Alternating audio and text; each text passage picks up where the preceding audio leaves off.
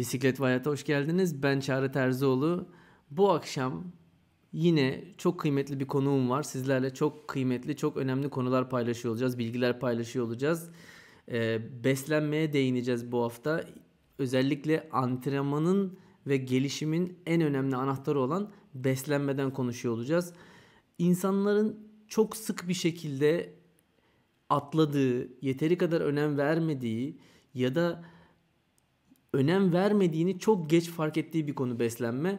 Bu yüzden ben de her zaman olduğu gibi sizlerle işinin ve e, paylaştığı bilginin uzmanı, paylaştığı bilgiyi en doğru şekilde bizlerle paylaşmaya gayret eden e, ve bu bilgilere hakim olan bir konukla birlikteyim. Fenerbahçe Üniversitesi öğretim üyesi Doktor Yusuf Ulusoy. Ee, eğer hani titri uzuncana bir titri var. Eğer yanlış söylediysem affola kendisi düzeltecektir mutlaka. Kendisi Marmara Üniversitesi'nde beden eğitimi spor yüksek okulu e, antrenörlük bölümünden mezun ve daha sonra da spor sağlık bilimleri ve beden eğitimi spor yüksek bölümünden yüksek lisans yapmış. Kendisi hala Fenerbahçe Üniversitesi'nde e, öğretim üyesi. Kendisi daha detaylı anlatacaktır. E, on the go ve e, hemen şöyle devam ediyorum. E, kendisinin Big Joy firmalarında Big Joy e, sporcu besinleri markaları ile ilgili koordinatörlük görevi de var. Dediğim gibi kendisi benden çok daha iyi ve detaylı şekilde bunları anlatacaktır, paylaşacaktır bizle. Şimdi kendisini hemen yayına alıyorum. Şöyle Evet. Ee, Yusuf Hocam hoş geldiniz. Nasılsınız? Hoş bulduk Çağrı. Ee, çok iyiyim. Teşekkürler. Ee, ee, sen de iyisin umarım. E, ben de çok iyiyim. Tekrardan e, hoş geldiniz yayına. Umuyorum e, sizi böyle doğru en azından kısaca girişi doğru yapabilmişimdir. Çünkü hani gerçekten sizle daha önceden konuştuğum zaman bana bir kısa özgeçmiş gönderdiniz hani o kadar detaylı ki hani e, bir şeyi yanlış söylemektense orada topu size pası size atıp biraz kendinizi bize anlatmanızı konuya girmeden önce insanların bu işe sizin ne kadar ciddi e, yaklaştığınızı, ciddi çalışmalar yaptığınızı biraz kendinizi tanıtarak e, paylaşırsanız daha sonra konuya girdiğimizde işin kıymeti daha da belirgin hale gelir diye tahmin ediyorum. Şimdi lafı size bırakıyorum. Tamam. Çok teşekkür ediyorum Çağrı. Öncelikle e, beni bu güzel yayına davet ettiğin için tekrardan e, çok teşekkürler. Umarım güzel bilgileri iyi paylaştığımız ve insanlara faydalı olacak bir e, yayını beraber e, yaparız. E, senin de söylediğin gibi e, kendim kısaca bir e, tanıtırsam e, Marmara Üniversitesi e, Beden ve Spor Yüksek Okulu antrenörlük e, mezunuyum. Daha sonra yine Marmara Üniversitesi Spor ve Sağlık Üstüne yüksek lisansımı yaptıktan sonra İstanbul Gedik Üniversitesi'nde e, spor bilimleri üzerine e, doktoramı e, tamamladım. E, burada tabii doktoramızda e, çalışma alanım e, spor beslenme ve ergojenik destekleri olarak e, çalışmalarımı yaptım. E, bu süreçten sonra kısa bir futbol antrenörlüğümün olmasından sonra Fenerbahçe'de 15 yıl boyunca sporcu gıdaları üzerine aynı zamanda doktoramın üstüne veya doktora sürecimde sporcu gıdaları üzerine çalıştım. Birçok markanın Türkiye'ye gelişinde, ithalatında rol oynadım. Bunların sahaya çıkışında, bilgilerin paylaşılmasında, insanların bilgilendirilmesinde aktif rol oynadım. Bugün de Fenerbahçe Üniversitesi Spor Bilimleri Fakültesi'nin hem dekan yardımcısı olarak çalışmalarıma devam ben ediyorum. Onu, ben onu söylemeyi unuttum dedim yani böyle çok Uzun dolu çok dolu bir özgeçmişiniz var açıkçası. Hani böyle e, hani bir şeyleri atlamamak için önümdeki metinden okumaya gayret ettim ama oradaki e, dekan yardımcısı kısmını gene gene de atladım kusuruma bakmayın. O önemli değil. Sonuçta dok, e, e, öğretim üyesiyiz burada. Doktor öğretim üyesi olarak görevimize devam ediyoruz. Üniversitemizi spor ve beslenme, e, performans yetenek seçimi gibi e, sporun ve performansın olduğu birçok dersi aynı zamanda e, öğrencilerime vermeye çalışıyorum. Bunun yanında da dediğim gibi 17-18 senedir Türkiye'nin belki bu alandaki en eski kişilerinden biri olarak da e, sporcu gıdaları konusunda e, sektöre de ayrıyetten e, hizmet ediyoruz. Bugün de hem Big Joy ve Big Joy On The Go markalarının özellikle On The Go serisinin e, yaratılmasında, oluşturulmasında koordinatör olarak da aynı zamanda e, görev alıyorum.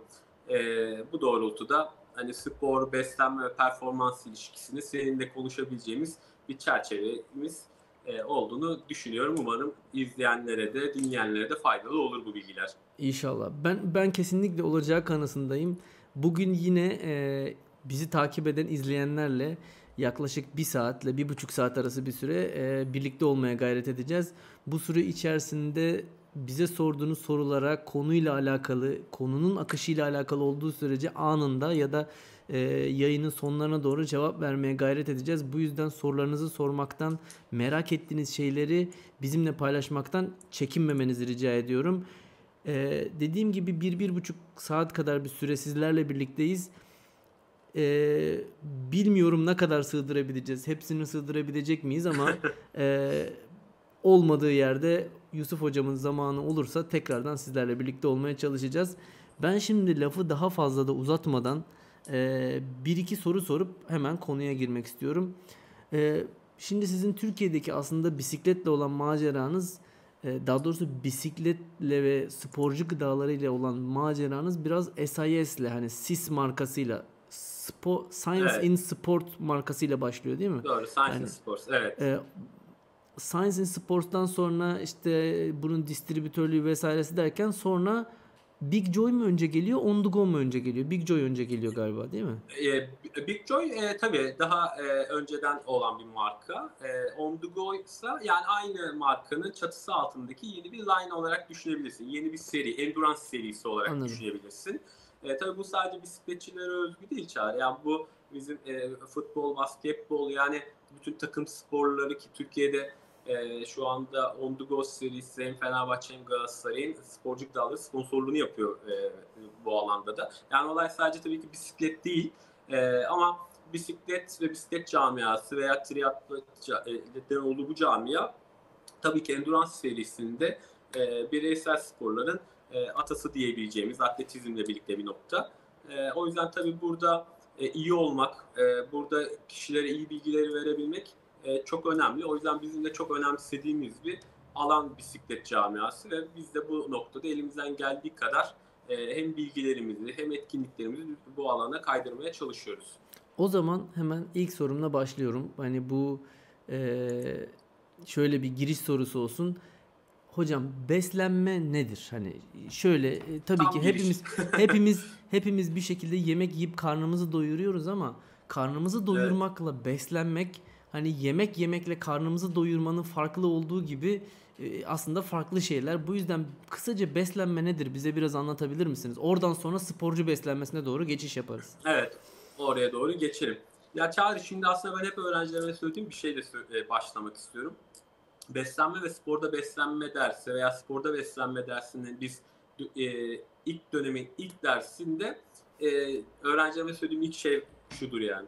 Bu konu o kadar uzun bir konu ki e, hani bırak bizim burada bir buçuk saati yani 14 hafta biz bir dönemi anlatmakta bile yetmiyor konu. Yani e, konu konuyu açıyor, bir sürü madde var, bir sürü detay var. Ama biz burada elimizden geldiği kadar e, hap bilgilerle e, dinleyicilerimize belli bir e, bilgileri vermeye çalışacağız. E, senin de söylediğin gibi eğer e, sorularda olursa elimizden geldiği kadar hem vakitte kalırsa e, bunlara cevap vermeye çalışırız. Şimdi Çağrı beslenme dediğimiz zaman aslında bizim burada kastettiğimiz en önemli şey vücudumuz için gerekli olan besin öğelerinden bahsediyoruz. Yani vücudumuzun bir temel besin öğesi tablomuz var. Burada işte protein, karbonhidrat, yağ, vitamin, mineral ve su. Beslenme dediğimiz şey ise e, vücudumuzun e, vücuda yeterli ve dengeli şekilde bu besin öğelerinin alınıp özümlenmesi olarak düşünebiliriz biz beslenmeyi. Ve bu beslenme dediğimiz şey tabii ki kişiden kişiye farklılık gösteriyor. Senin için beslenme farklıyken e, benim için farklı ve biraz sonra bağlayacağımız e, noktada da sporcu içinse e, çok farklı. Aslında farklı olan şey de şu. Yani sonuç olarak sporcu beslenmesinde burada e, işin içine girdiğimiz zaman değişen bir şey yok. Aynı besin öğeleri. Yani farklı bir şey yok sporcu içinde. Onun içinde protein, onun içinde karbonhidrat, onun içinde yağ, onun içinde vitamin, onun içinde mineral ve onun içinde su. Ama değişen şey şu. ihtiyaç ve talepler ve beklentiler değişiyor burada. Yani normal bir kişi için, sedanter bir kişi için biz bunu konuştuğumuz zaman evet yine yeterli ve dengeli beslenme. Bu yeterli ve dengeli beslenmeden e, kastımız ne? İnsanın büyümesi, gelişmesi, sağlıklı ve üretken olabilmesi için bu besin öğelerinin ideal ve doğru şekilde kullanılabilmesine biz beslenme diyoruz. Dengeli beslenme diyoruz ve bunu özümlemesi. Sporcuya işin tarafını kaydırdığımız zaman zaten sporcu için büyüme, gelişme ve sağlıklı olmanın yanında ihtiyaç duyduğu performansı karşılayabilmesi ve antrenman ve yarışma sonrasında ihtiyaç duyduğu recovery dediğimiz toparlanma sürecini karşılayabilmesinden bahsediyoruz. Yani sporcu beslenmesini hani sen sormadan ben onu da söyleyeyim. Kişisel beslenmede durum buyken sporcu beslenmesinde kişinin yaptığı spor dalına göre antrenmanına, e, müsabakasına göre atletik performansını geliştirebileceği ve kendisini e, kastal olarak, metabolizma yapısı olarak daha ileriye taşıyabileceği bir beslenme planlamasından bahsetmemiz gerekiyor. Ve bu bahsettiğimiz konuda e, hep söylüyorum bunu bastırası kişiye özgüdür beslenme planı. Nasıl bir bisiklet kişiye özgüyse değil mi? Yani bike fit'i sen niçin yapıyorsun? Bu kişiye özgü. Senin bindiğin bisiklete ben bindiğim zaman duruş açılarım değişiyor, bozuk oluyor, e, işte sele yüksekliği, işte pedalın belki aşısı, e, bunları sen daha iyi biliyorsun. Bunların hepsi kişiye özgü. Aynı şey beslenme için de geçerli. Ve sporcu beslenmesinde bu daha da kişiye özgü. Bisikletçi için farklı, triatlet için farklı, takım sporları yapan futbolcu veya işte diğer branşlar için farklı. Farkı da söylediğim gibi e, besin öğelerinin doğru planlanması. Yani buradaki en önemli püf nokta bu çağrı. Yani şöyle diyoruz. Normal bir insanın günlük yani hayatını rahat sürdürebilmesi için vücuduna alması gereken e, birleşenler işte karbonhidrat olsun, protein besin olsun, öğeleri, besin evet. öğelerinin e, sporcu için alınması gereken şekli bir, daha farklı. Çünkü her sporun farklı gereksinimleri var.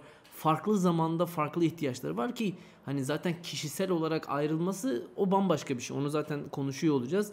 Sporcu beslenmesinde tabii bunların miktarları değişiyor. Yaptığımız spora göre, yaptığımız sporun uzunluğuna göre, ya da işte e, kısa ama patlayıcı güç gerektiren sporların durumuna göre e, planlanan e, bir şey. Peki hocam şimdi sporcu beslenmesiyle ilgili en büyük sorulardan bir tanesi şu. Şimdi herkes mümkün olduğunca doğal şeyler tüketmeye çalışıyor. Yani evet. bütün sporcular öyle başlıyor. İşte ben evet. e, hurma hurma yiyorum. Jele gerek yok. Bar yiyorum. Şuna gerek yok. İşte ben evde kendi işte pestilimi yapıyorum işte ya da ne bileyim e, rice kekimi yapıyorum. Hepimiz yapıyoruz. Ben de yapıyorum. Eminim siz de zaman zaman kendiniz evde bir şeyler yapıp deniyorsunuzdur. Tamam sizin hani ev yerine laboratuvarı kullanıyor olabilirsiniz belki ama yeni bir şeyler denemek için. E, sonuçta hepimiz bir şekilde evimizde pişmeyen şeylere suni diyebilir miyiz hocam? Kendi evimizde pişirmediğimiz ya da e, öyle Ya suni demek çok sert olur. Ee, ya da şöyle yani diyeyim. O tabirler fazla kaçabilir. Ee, hazır gıda diyelim ya da hazır gıda. Hani, hazır gıda diyelim. Evet, evet. Hepimiz hepimiz bir şekilde e, bu işe başladığımız zaman hazır gıdalar yerine e, bunu kendimiz kav- cover etmeye çalışıyoruz. Takviye etmeye çalışıyoruz. Evet. Ama bir şekilde bir yerde olmadığının farkına varıyoruz. Neden olmadığını bize anlatır mısınız? Yani kendi evimizde yaptığımız ürünlerin e, bu tip takviyelerine, bu tip takviyelere e, hazır olarak aldığımız ürünlere e, ikame olamamasının e, sebebini ya da önce bu ürünlerin neler olduğundan başlayalım. Ne işe yaradıklarından e, isimlerinden işte jel nedir, barlıdır ya da işte ne bileyim e, recovery için kullanılan ürünler nedir? Kısaca biraz bunları anlatalım. Ondan sonra bu ürünleri neden biz kendi evimizde yaparak ikame edemiyoruz oraya geliriz. Şimdi biraz sizin evet. uzmanlık alanınıza doğru girelim yavaş yavaş. Tamam. Çağrı şimdi şöyle, e, işin önce bir başka açısından bakarak bu e, yelpazeyi bir açmak istiyorum. Şimdi e, bize hep soruluyor tabii. Yani ben antrenmanımı yapıyorum, hiçbir şey kullanmıyorum. Ya kullanmak zorunda değilsiniz zaten diyorum. Yani bir kere önce bu bunu bir açalım. Yani baştan onu söyleyeyim. İlla kullanmak zorunda değilsin. Burada e, amaç ve beklentilere göre burada bir plan vardır. sen kişisel olarak haftanın 3 günü 45'er dakikadan antrenman yapan bir kişisindir. E, sağlık için spor yapıyorsundur. Yani burada gidip de aman ben enerji jel kullanayım, antrenman sonrası toparlamamı hızlandıracak bir recovery kullanayım veya protein tozu kullanayım da gelişeyim demene gerek yok. Ya yani böyle bir talebe gerek yok. Bunu aynen senin aslında biraz önce konuştuğun gibi e, evde normal sağlıklı beslenmenle halledebileceğim bir şey. En başta anlatmak istediğim şey buydu. Hiçbir şey değişmiyor. Olay besin öğeleri yeterli miktarda vücuduna alabilmekle alakalı bir şey.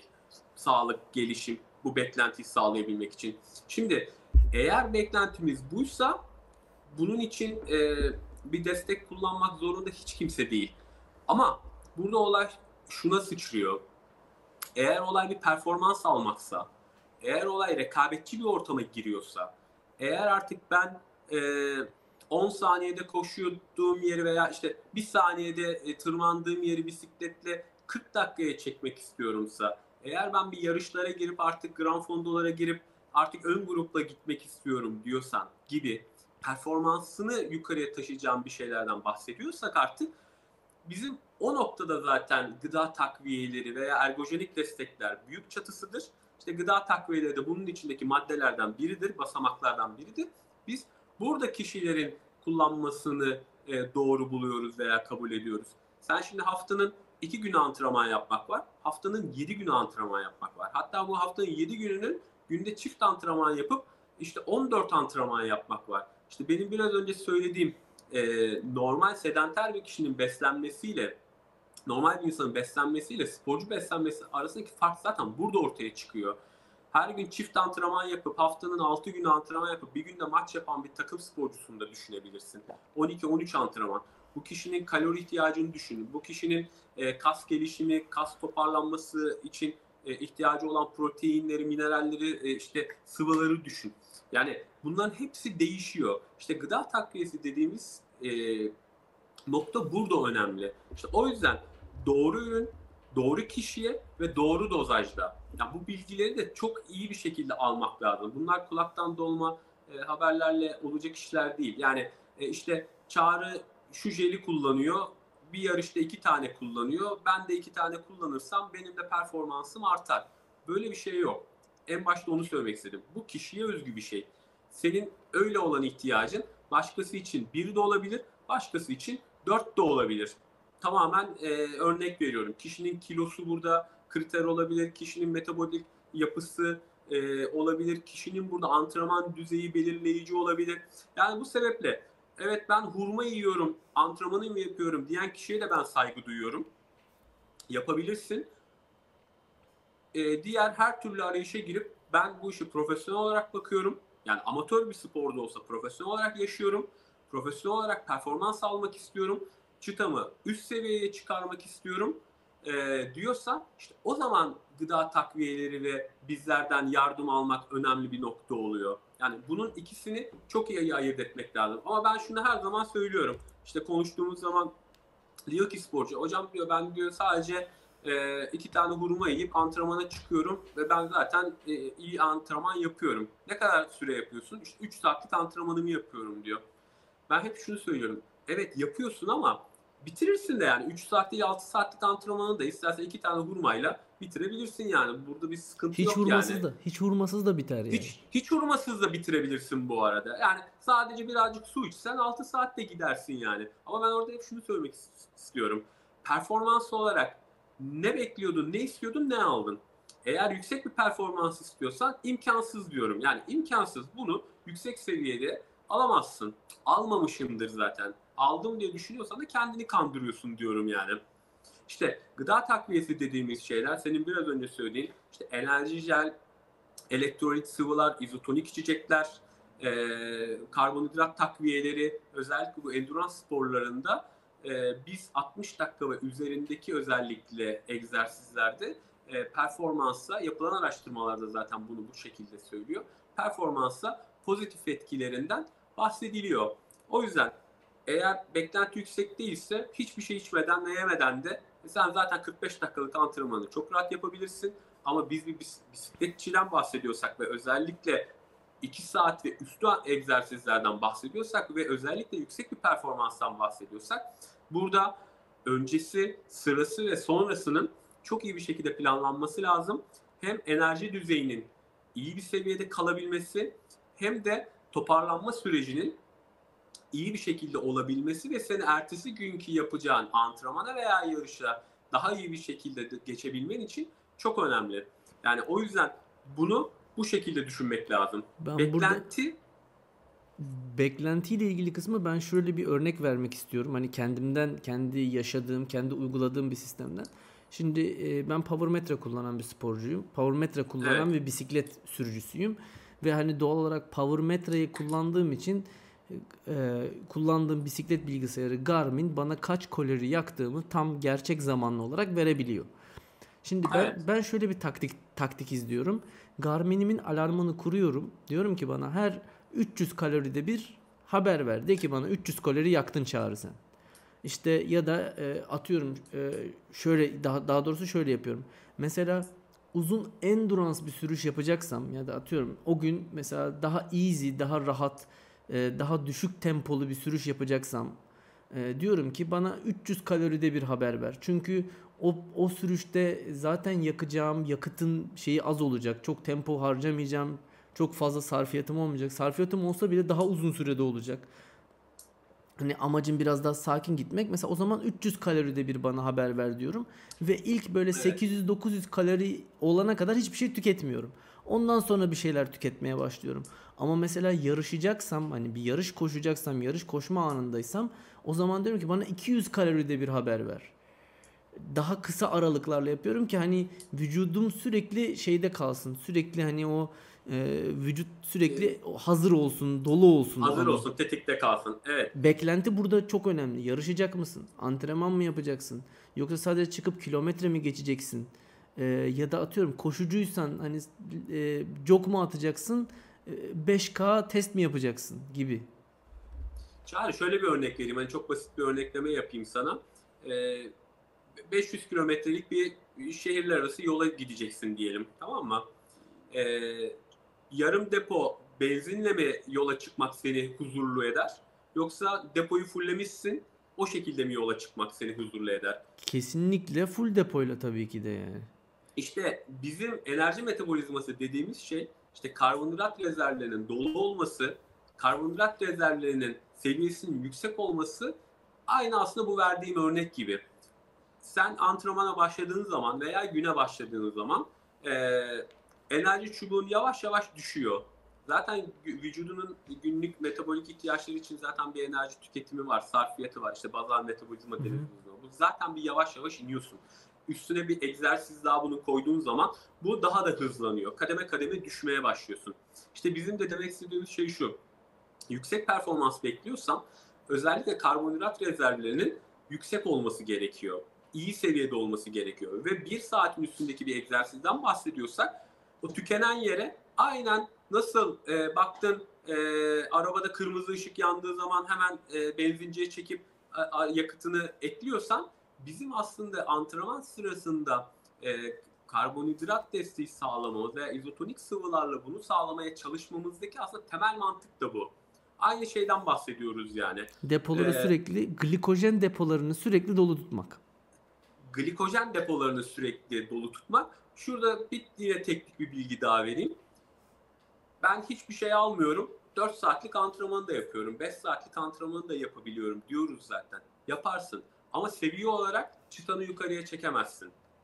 Düşük seviyede kalırsın. Yani %80'de değil de %40'da kalırsın. %50 kalırsın. Ha, bunun da kaynağı işte vücudumuzun çok tabii güzel bir sistem bizim insan vücudu. Yani orada yağ metabolizması da vücutta bir enerji olarak kullanılabiliyor ve e, bununla zaten gidebiliyorsun. Ama senin yapacağın yağ metabolizmasıyla e, kişi şampiyon olamaz.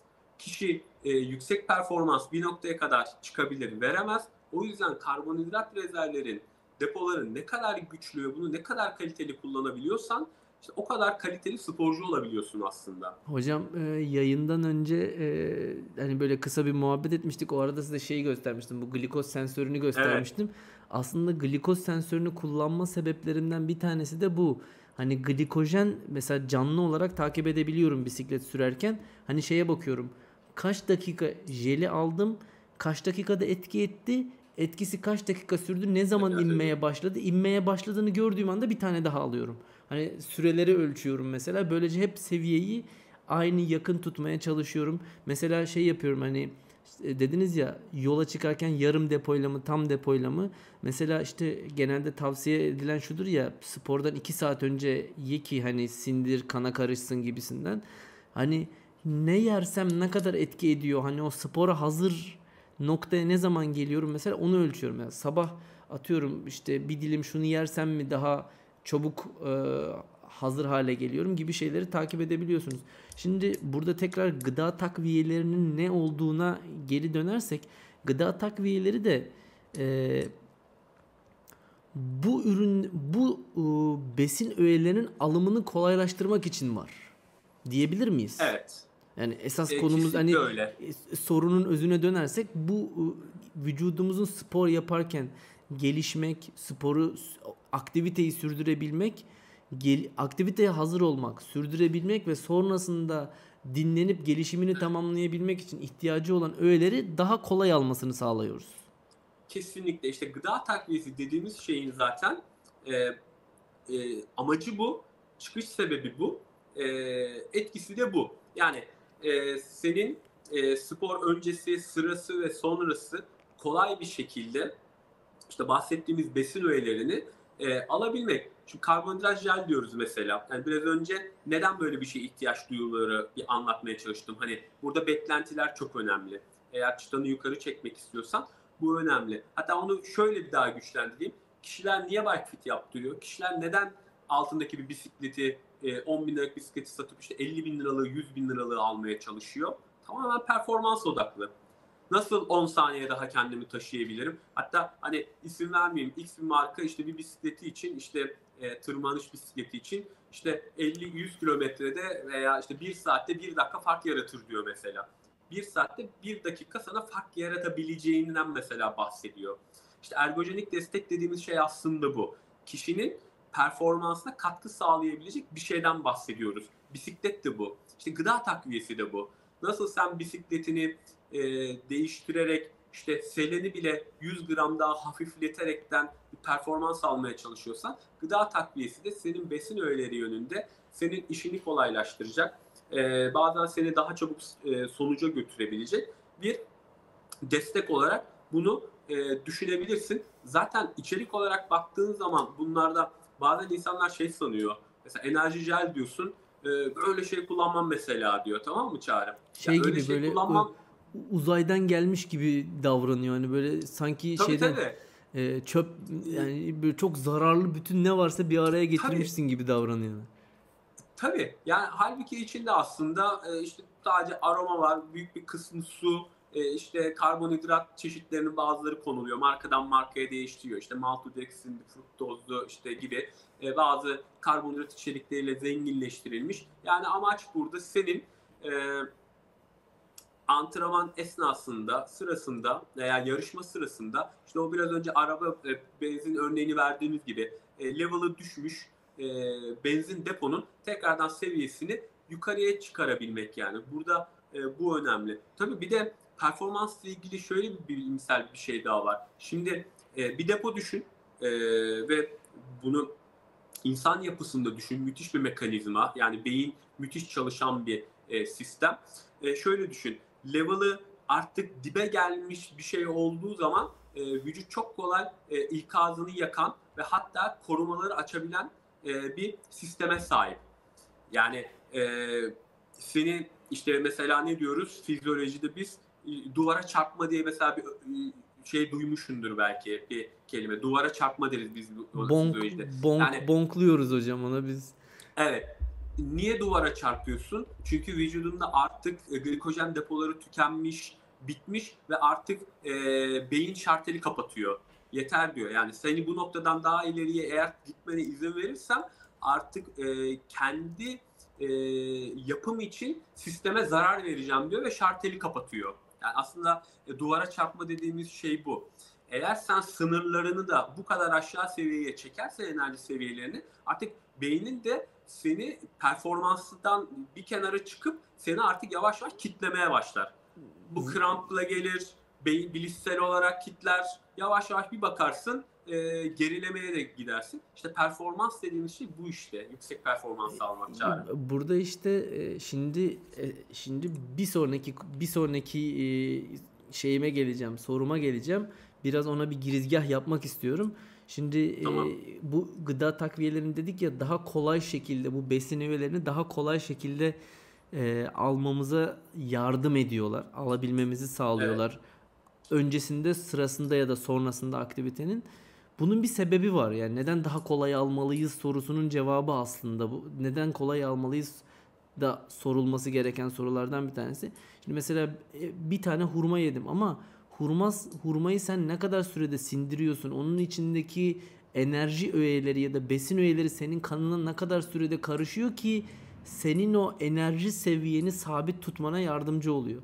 İşte e, gıda takviyeleri bu tip ürünler işte hızlı etki edip uzunca bir süre kanda size o depoları dolu tutmaya yardımcı oluyorlar.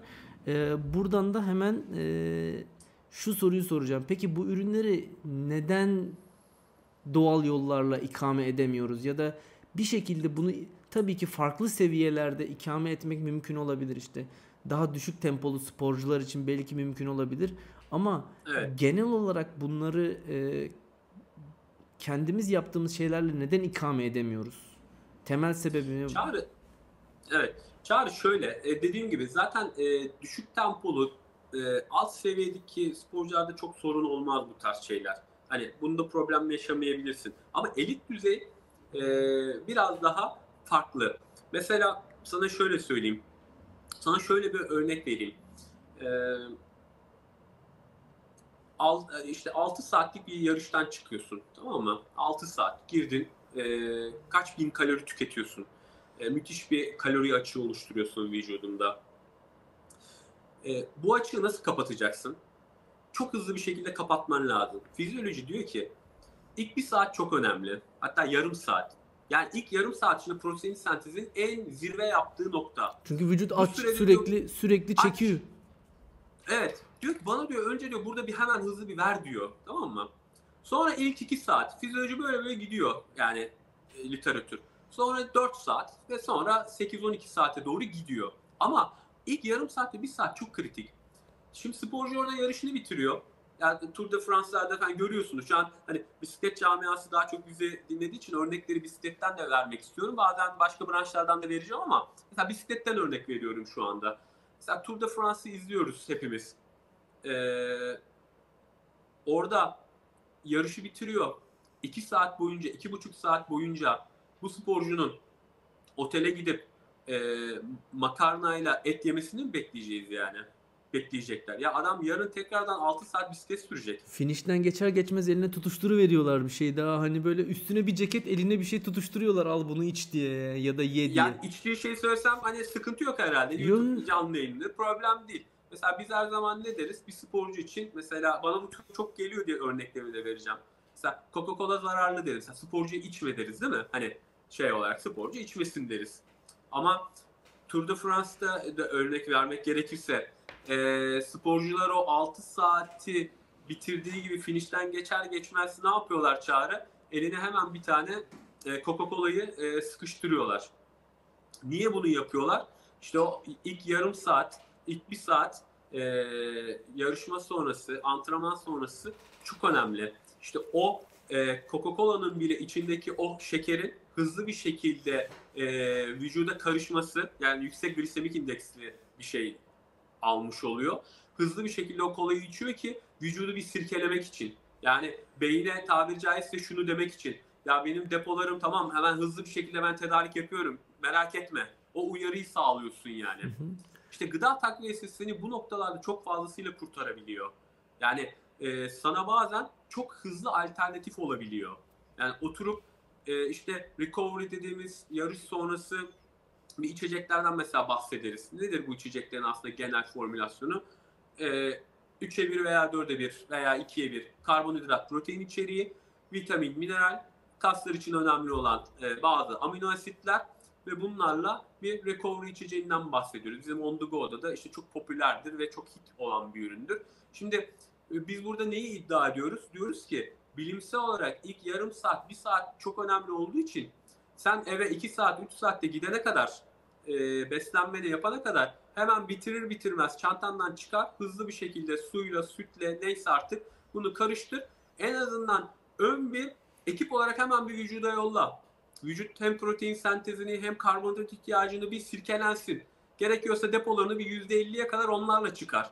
Ondan sonra evine git yemek ye. Buradaki iddia sen yemek yemeyeceksin, normal beslenmeyeceksin değil ki. Burada sen normal kaliteli besleneceksin ama rutuş yerlerinde gıda takviyelerinden faydalanacaksın. Şimdi sen bisiklet üstündeyken e, 6 saat bisiklet sürüyorsun diyelim. Ortalama olarak benim buradaki önerim veya literatürün önerisi yani bir saatte bir e, kiloya göre değişmekle birlikte 30-45 gram arası karbonhidrat desteğinin önemli olacağından bahsediyor literatür.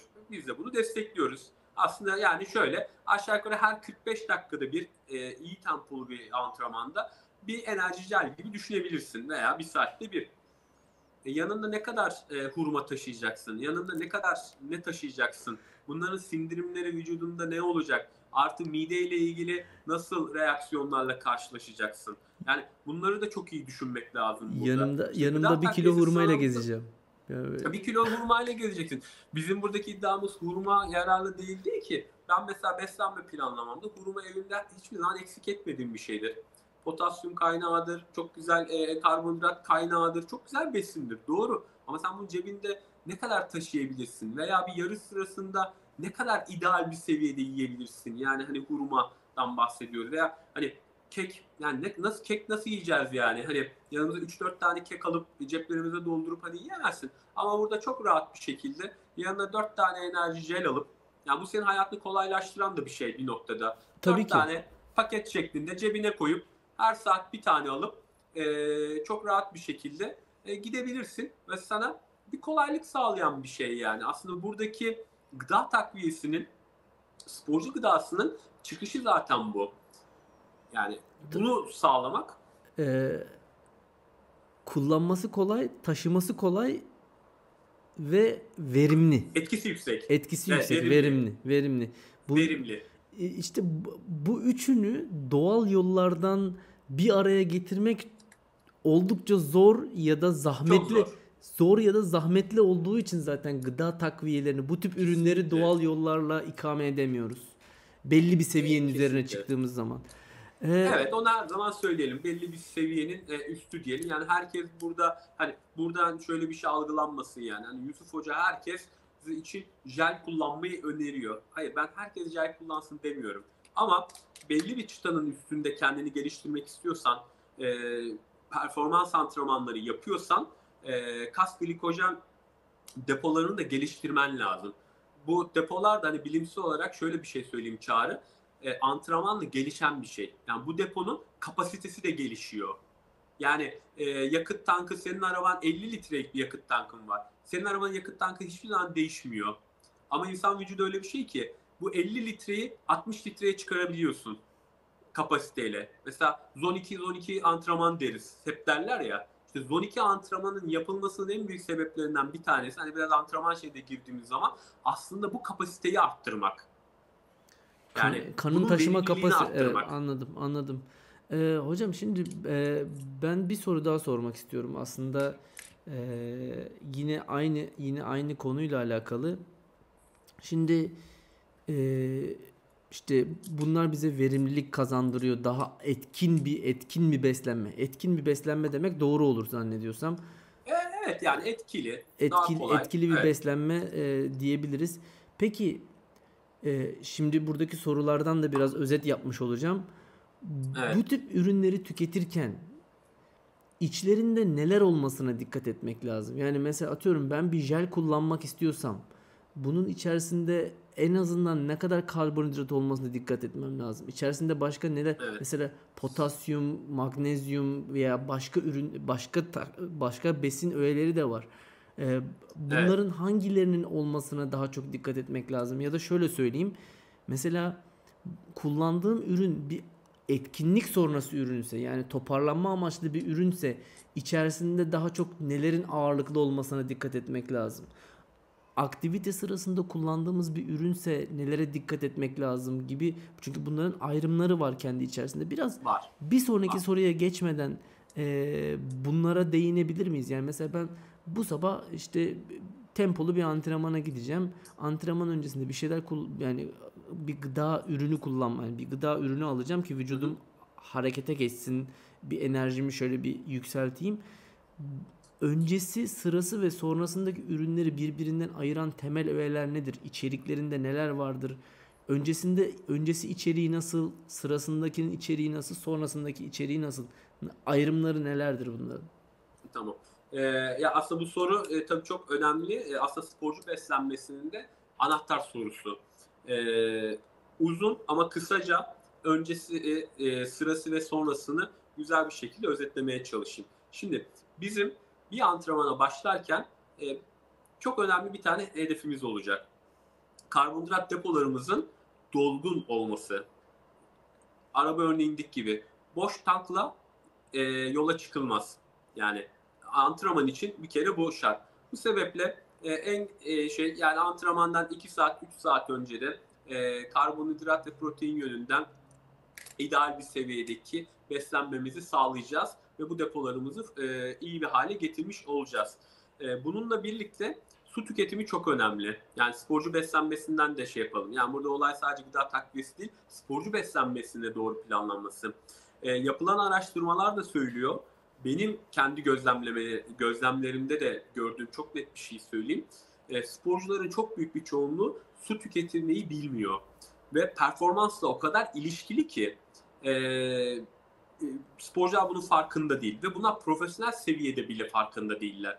Bu sebeple antrenmana çıkmadan veya yarışmaya çıkmadan işte yarım saat önce, 40 e, dakika önce hiçbir şey yoksa bile bir 400-500 mililitre e, su tüketmekte en azından vücudun e, hidrat seviyesi yani hidrasyon seviyesinin iyi bir noktada olmasını sağlamak açısından yine antrenman öncesi bunu yapmak çok önemli. Yani bu yakıt depoları düzgün olacak ve vücudun hidrasyon seviyesi iyi bir noktada olacak. Eğer vücutta su yönünden bir eksiklik varsa su dediğimiz şey vücudumuzun %60'ı çağrı. Ve su bizim için o kadar önemli ki %2'sinin eksilmesinde performans kayıpları başlıyor. Yani bu kadar yüksek oranlı bir şeyin %2 kaybı bile sende bir şeylerde eksikliğe başlıyor. Zaten 3 ve 4'e 5'e çıktığı zaman müthiş sorunlar başlar. E sen de bir bisiklet sporcusun. Yaz günü 4 saatlik bir sürüşte nasıl bir su kaybedebileceğini düşünebiliyor musun? Hocam size şöyle söyleyeyim. Ben burada bisiklete çıkarken iki büyük materyale çıkıyorum. Ee, aynı zamanda formamın iki tabii bizim hava koşullarımız da biraz farklı ama Daha hani farklı. hani formamın arka cebine de mutlaka bir tane ekstradan yarım litrelik su alıyorum. Yani Aynen. ve hani bu şey sürüyor böyle en fazla bir buçuk saat sonra bunların üçünü de dolduracak bir nokta bir lokasyona varmış oluyorum yani e, su çok önemli. Çok önemli. Antrenman öncesi için tamam bunu şey yaptık. Şimdi antrenman sırasına geldiğimiz zaman yine suyla bağlantılı olarak e, benim çok önemsediğim, üstünde de çalıştığım, her zaman önemsediğim ve sporculara çok e, dikkat edin dediğim bir konu. Antrenman sırasında dikkat etmemiz gereken şey şu. Şimdi bir saate kadar olan antrenmanlarda karbonhidrat rezervleriyle ilgili bir sıkıntı yaşanmaz. Su tüketimiyle ilgili bile bir sıkıntı yaşamazsın eğer iyi seviyelerde geldiysen. Çok aşırı şiddetli bir egzersizden bahsetmiyorsak çok muhtemel ki e, 45 dakika ve 1 saate kadar olan antrenman ve egzersizlerde bir problem olmaz. Ama bir saatin üstü olduğu zaman alarm çanlar çalmaya başlar egzersiz şiddetine yoğunluğuna göre. Şimdi burada kritik şey şu biraz önce söylediğim gibi e, bir saati aştıktan sonra en azından her 45 dakikada bir veya e, saatte bir e, 25 ila 30 gram arasında bir karbonhidrat takviyesi minimum performans açısından çok önemli. Yani enerji gel mi tüketiyoruz? İçerisindeki karbonhidrata bakacağız. 24-25 gramlık bir karbonhidrat bizim için böyle bir ürün arayışında e, gıda takviyesi arasında e, önemli olacaktır. Ama bunu çok destekleyecek orada başka bir şey daha var. Suyun suyun e, hidrasyonundaki etkisini arttıran en önemli şey e, mineraller. Sodyum, kalsiyum, potasyum. Bunların vücuttan terle birlikte bunlar da kayboluyor. Ve bunlar kayboldukça hem e, vücutta su tüketimi artar, terleme çok şiddetlenir ve bununla birlikte artan su tüketimiyle birlikte vücut ısısı artar, kas krampları kolaylaşır ve yorgunluk çok daha hızlı gelişir. Bu sebeple biz antrenman veya egzersiz sırasında veya yarış sırasında arayacağımız şey karbonhidratı bana sağlamalı. Sodyum, kalsiyum, potasyum biraz önce bir şey unuttuk. Bir de magnezyum. O çok önemli. Ya bu sihirli dörtlü derim ben buna yani. Sodyum, kalsiyum, magnezyum, potasyum ve su. Sihirli beşli. Yani bir sporcunun e, yani en önemli şeyler. Tabii ki başka önemli şeyler de tartışabiliriz burada ama temel manada e, yorgunluğunu geciktirebilecek, öteleyebilecek ve performansının devamını sağlayabilecek çok sihirli beşli ve yanına karbonhidrat. Biz antrenman sırasında işte bu beşli artı karbonhidratı e, bu sürelerde ne kadar iyi sağlarsak yorgunluğumuzu o kadar öteleriz. Ki amacımız bu değil mi? Aynen öyle. Yani sen şimdi 5 saatlik bir yarışa girdin. Yarışın kazananının en önemli özelliği nedir Çağrı?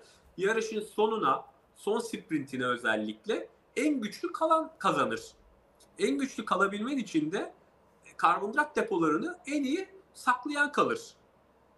Bu kadar e, basit. Bu sene e, Tour de France'da e,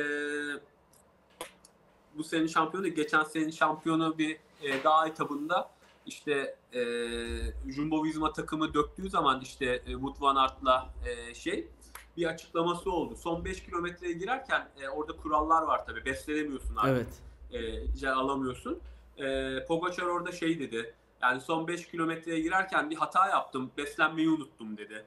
Bak e, 150 kilometrelik belki yarış, yarışın kilometresini hatırlamıyorum.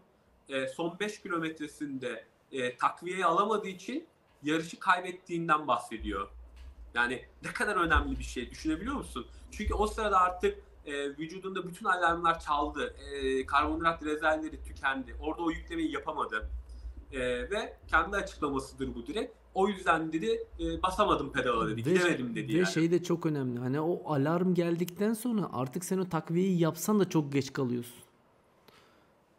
Tabii. Çünkü yani, çok, vücut tabii. kendini emniyete alıyor. Senin o verdiğini de hani sadece o, o, o seviyede tutmak için kullanıyor.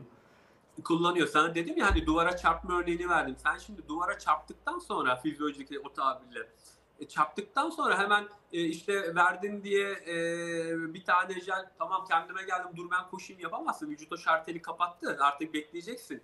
Yani e, bekleyeceksin. O yüzden vücudu oraya getirmemek lazım. İşte ben o yüzden söylüyorum. Susamadan su içme alışkanlığı deriz biz buna işte e, yarış ön, yarış sırasında, antrenman sırasında hani önceyi konuştuk sırasını konuştuk. Hani susamadan su içme alışkanlığı. Ben mesela sporculara arkadaşlarla gideriz böyle. Benim de bir tane e, amatör bir takımımız var. O çok oradan da söylüyorlardı. Hocam bizden de bahset diye. E, bizim Bahçeşehir bisiklet takımımız var bizim. E, buradan da hepsine selamlar. Bizi de dinliyorlar. Hatta yazıyorlar. Görüyorum.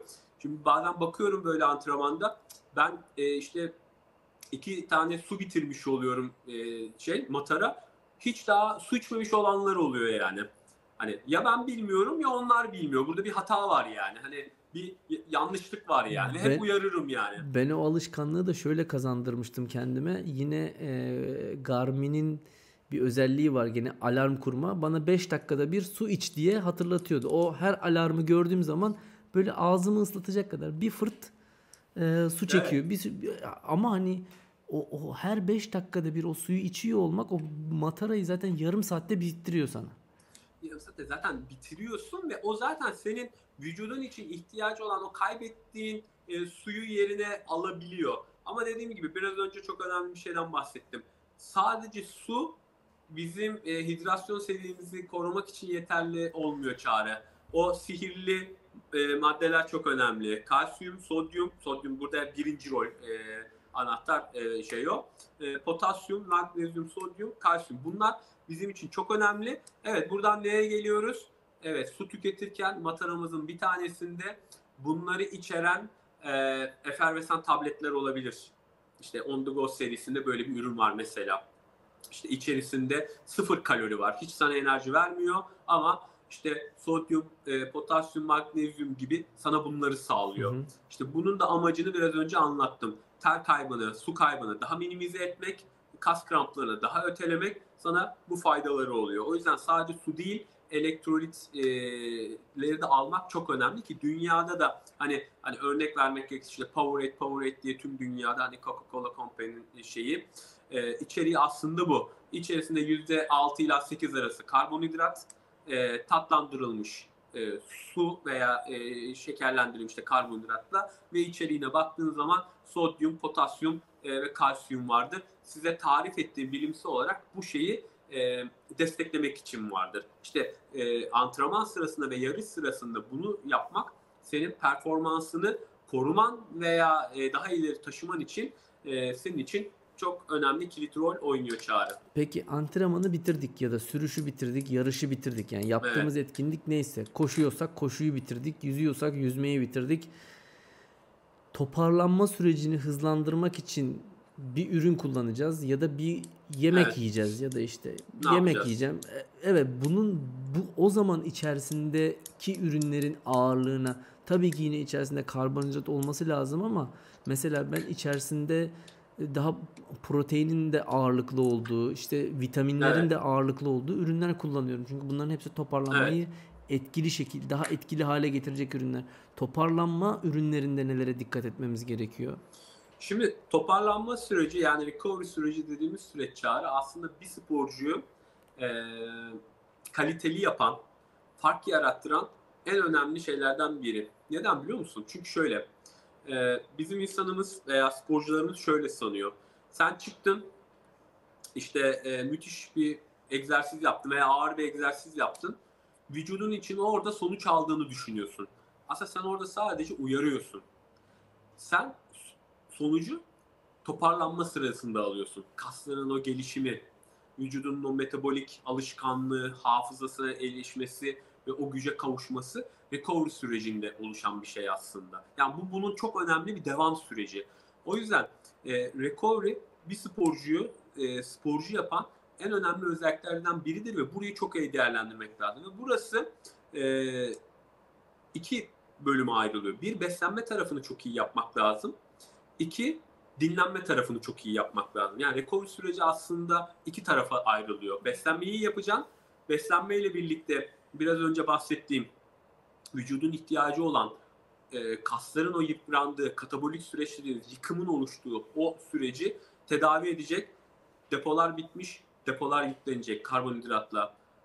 Protein metabolizması harekete geçirilecek. E, protein almak lazım. E, vücudun bütün metabolik süreçlerinde e, rol oynayan birçok e, işte önemli minerallerin, e, vitaminlerin e, alınması lazım ve bazı kritik amino asitlerinde e, desteklendiği zaman bu recovery sürecinde senin sürecini kısaltmanda veya gelişimini daha hızlı yapmanda önemli rol oynuyor. Bunun üstüne de dinlenme sürecini yaptığın zaman iyi besleniyorsun. Düşün depoları iyi fulluyorsun. Vücudun ihtiyacı olan proteini aldın artı tabii sıvı antrenman sonrasında toparlanmada. Bunu da aldın ve ondan sonra dinlenmeye geçiyorsun. İşte bir sporcu çok iyi beslendi antrenman sonrası recovery süreci diyoruz ya. Recovery süreci sadece beslenmeyle de bitmiyor. Bir de çok iyi dinleneceksin. Vücudunu dinlendireceksin. Bunu da çok iyi sağlaman gerekiyor. Şimdi sorunun en başına dönersek içeriğinde ne olması gerekiyor? Çağrı, eskiden ee, buradaki oranlama şöyleydi. İki karbonhidrat, bir protein olsun recovery içeceklerinde denirdi. Ne demek bu? 40 gram karbonhidrat oluyorsa 20 gramlı protein olsun. Ve ben hani e, bunu hala çok desteklerim. Benim için ideal bir orandır. Güzel bir orandır. Severim yani.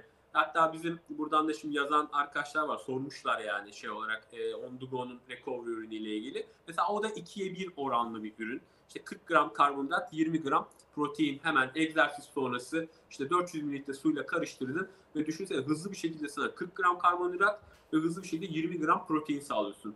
20 gram protein ne demek biliyor musun Çağrı? 20 gram proteini bir balıkta ne kadar da alırsın mesela şöyle düşün. Ya bir konserve balık yiyorsun mesela içerisinde ortalama 20 gram alıyorsun.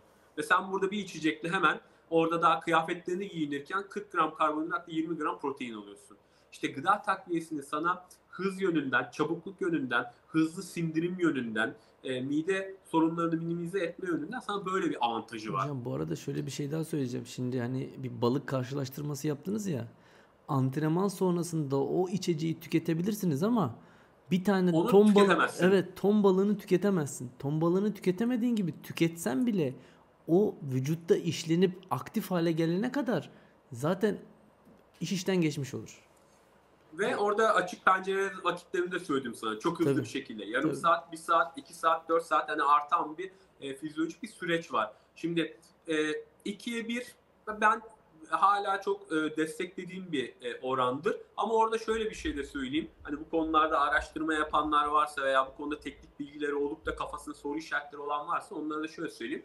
Literatürde aynı zamanda 3'e 1'ler şu anda çok popülerdir.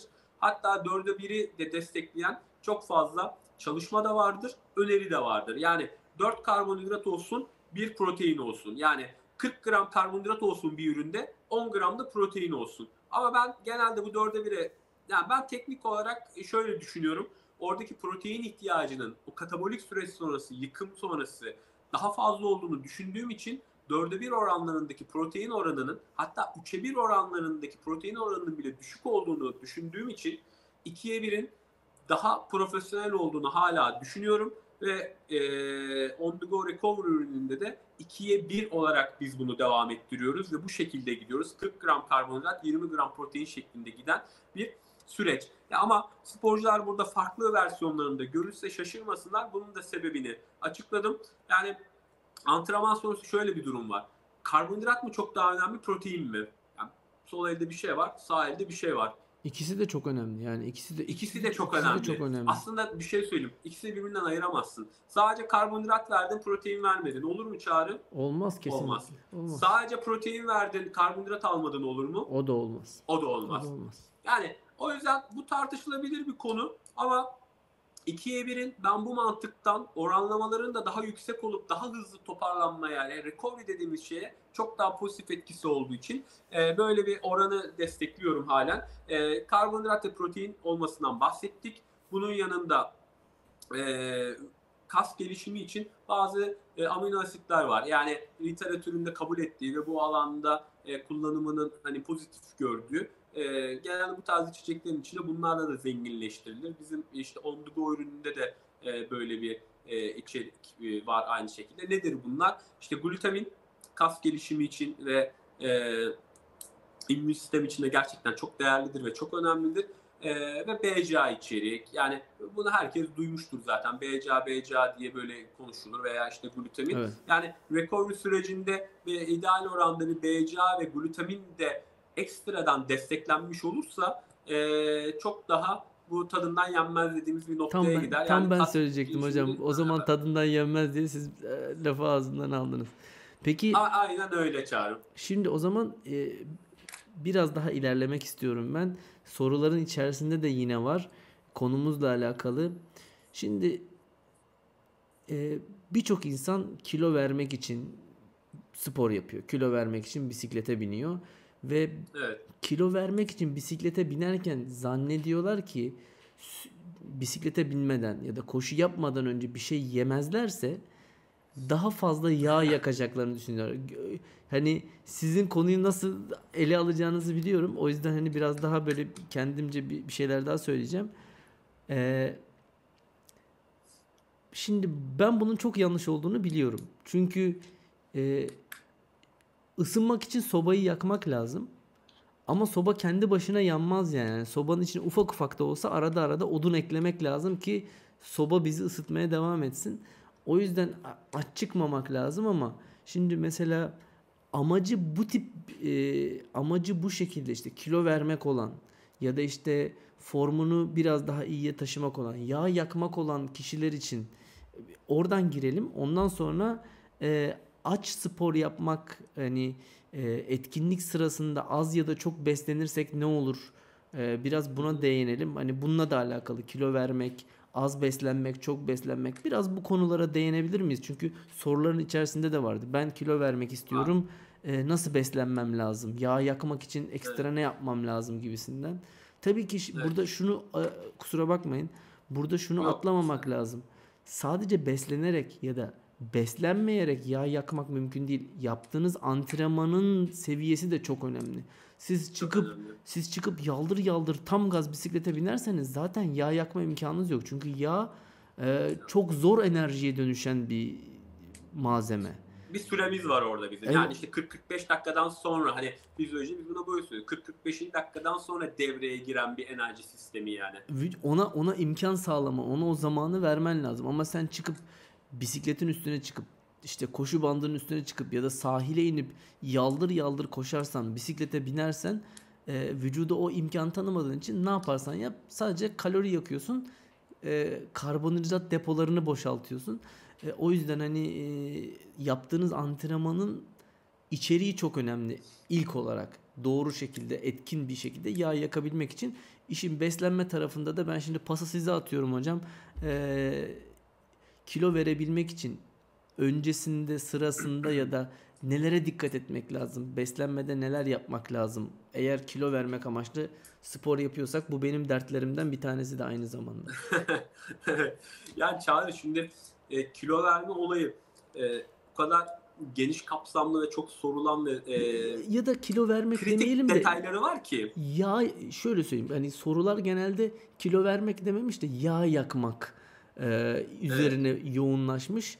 E, hani o, Evet, bu konuda biraz girelim. Ha, o- Tamam. Onun özelinde biraz girebiliriz. Hani kilo vermek tabii, Tabii. ki çok farklı bir şey yani çok geniş bir Çok çerçeve. çok farklı. Yani burada e, antrenman planlaması, antrenman metodu çok önemli ama hani genel bir e, tüyolarımızı verelim yani hani bilgilerimizi e, paylaşalım.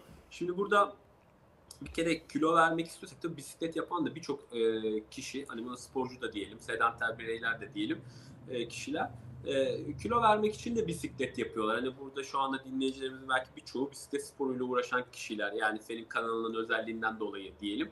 E, bisiklet sporunu yapan kişiler. Şimdi burada biraz önce aslında senin değindiğin bir nokta var. Mesela 30 dakika bisiklete bindim. İyi ben yağlarımı yaktım. Benim için bu antrenman yeterli. Hayır. 30 dakikalık yaptığın antrenmanda çok muhtemel ki e, hele de şiddetini de ayarlayamadıysan zaten e, vücudunun da öyle bir metabolik özelliği de yoksa ki çok muhtemelen yoktur. Sen sadece karbonhidrat rezervlerinden e, bir harcama yaptın. Yani burada yağlarınla ilgili bir e, süreçten bahsetmek gerçekten e, çok zor. Biz bunu zaten e, fizyolojik olarak da e, vücudun yağ metabolizmasının e, genel olarak işte 40. 45. dakikalardan sonra e, vücutta aktif olduğunu ve bu dakikadan sonra hani bu sistemin devreye girdiğinden bahsederiz. Burada kaliteli üst düzey sporcuların sadece işte dünya şampiyonu maratoncuları düşün mesela gibi bunların e, bu metabolizmayı çok daha öne çekebildiklerini belki 10. dakikada 15. dakikadan itibaren yağ metabolizmasından da faydalanabildiğini e, biliyoruz, e, söylüyoruz. Şimdi burada bir kere çok kısa süreli egzersizlerde bir yağ yakımı beklemek çok zor. Ha, burada sana e, yaptığın egzersizin zararı var mı? Hayır yok. Karbonhidrat depolarından harcamış olursun. Ama eğer e, belli bir düzene girdiysen, e, beslenmeni belli bir e, düzen içinde oturttuysan, aldığın besin öğelerini günlük yaşamın için alınan ve harcanan enerji arasında dengeyi kurduysan, e, evet belki o spor içinde e, ideal bir yağ yakımından bahsedemiyor olabiliriz ama e, senin günlük olarak en kötü ihtimalle şunu söyleyebiliriz. Evet bir kalori açığı oluşturdun, bir kalori harcadın. Hani günlük bazal metabolizman diyelim 1500 kaloriydi. E, 400 kalori harcadın. Bunu 1900'e çıkardın. E sen o günlük e, 1500 kaloride yiyeceklerden alırsan e, 400 kalori bir e, açık oluşturmuş olursun ve bunu yağ tüketiminden, yağlardan sağlamış olursun ve e, yağ kaybıyla beraber yağ kütlenden kayıp oluşturursun diye de en kötü ihtimalle böyle bir bakış açısı yapabiliriz Çağrı. Yani e, her halükarda yapılan her egzersizin e, kısa süreli de olsa bir kalori oluşturduğu için böyle bir e, desteği, böyle bir artısı e, olacaktır. E, bununla ilgili biraz daha elit sporcularla ilgili şöyle bir şeyi söyleyeyim. İleri seviye biraz daha sporcularla ilgili. Bu soru çok geliyor. Çok gelen bir soruydu. İşte e, bisikletçiler senin de bildiğin gibi sabah çok erken saatlerde antrenmanlara çıkarlar. e, sabahın dördünde çıkan e, arkadaşlar biliyoruz yani. Biz burada yazın e, çölde sıcaktan etkilenmemek için dörtte başlıyoruz. Yani dörtte pedal çevirmeye başlıyoruz. Dörtte kalkmıyoruz. Dörtte Tabii. pedal dönmeye başlıyor ki hani sıcaktan etkilenmeyelim. sıcaktan etkilenme diye e, dörtte şey yapıyorsun. Şimdi e, burada biraz daha elit seviye ve orta ve üstüler için şu şu şunu konuşabiliriz yani şu önerileri verebiliriz. Ben sabah antrenmana çıkarken ne yapacağım? Mesela sen sabah dörtte çıkıyorum diyorsun. Yani nasıl bir beslenme yapacaksın yani? Hani ne yapacaksın? Gecenin Kaçta kalkıp kaçta kalkacağım bir da mi ne yiyeceğim, ne zaman yiyeceğim de ne kaçta zaman kalkacağında ne yapacaksın?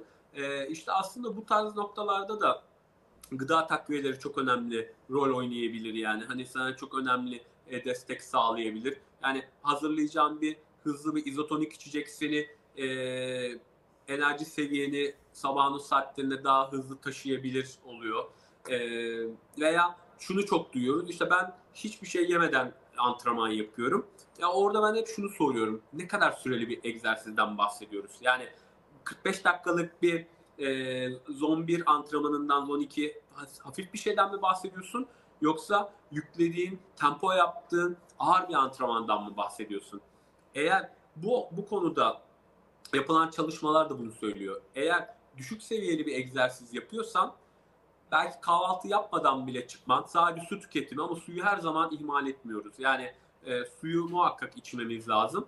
E, sadece e, su tüketimiyle birlikte antrenmana çıkıp e, o kısa süreli düşük şiddetli egzersiz yapabilirsin. Sana da artı şöyle bir faydası olabilir. E, yağ yakımını e, hızlandırdığı, yağ oksidasyonunu arttırdığı ile ilgili yönünde de e, çalışmalar var. Yani hani yağ yakımını bir sporcu için pozitife çevirebilir yönünde e, çalışmalar var. Yani 2 saatlik bir antrenman yapıyorsun. Düşük şiddetli zon 2 antrenman yapıyorsun. Kahvaltı da yapmadın. Hani burada e, bir yağ yakımının söz konusu olabileceğinden e, bahsedebiliyoruz yani. Böyle bir öneri var. Ama eğer burada bahsettiğimiz şiddet seviye yüksekse yüksek wattlara çıkıyorsak, bir tempodan bahsediyorsak o zaman o antrenman e, şiddetine ayak uyduramama, e, enerji depolarının yetersiz kalabilmesiyle ilgili de e, sıkıntı yaşayabilirsin. Niye? Örnek veriyorum en son öğününü akşam 6'da yedin. Sen ertesi sabah 7'de antrenmana çıkıyorsun. Yani 4 çok uçuk bir örnek. Hani oradan ben baz almayayım. Hani 7 diyelim. Evet. 12 saat. Vücut 13 saat aç çağrı. Şimdi 13 saat boyunca sen vücuda hiçbir şey almıyorsun. Ama vücudun 13 saat boyunca sen uyusan bile çalışıyor. Doğal yani olarak. metabolik bir süreci var.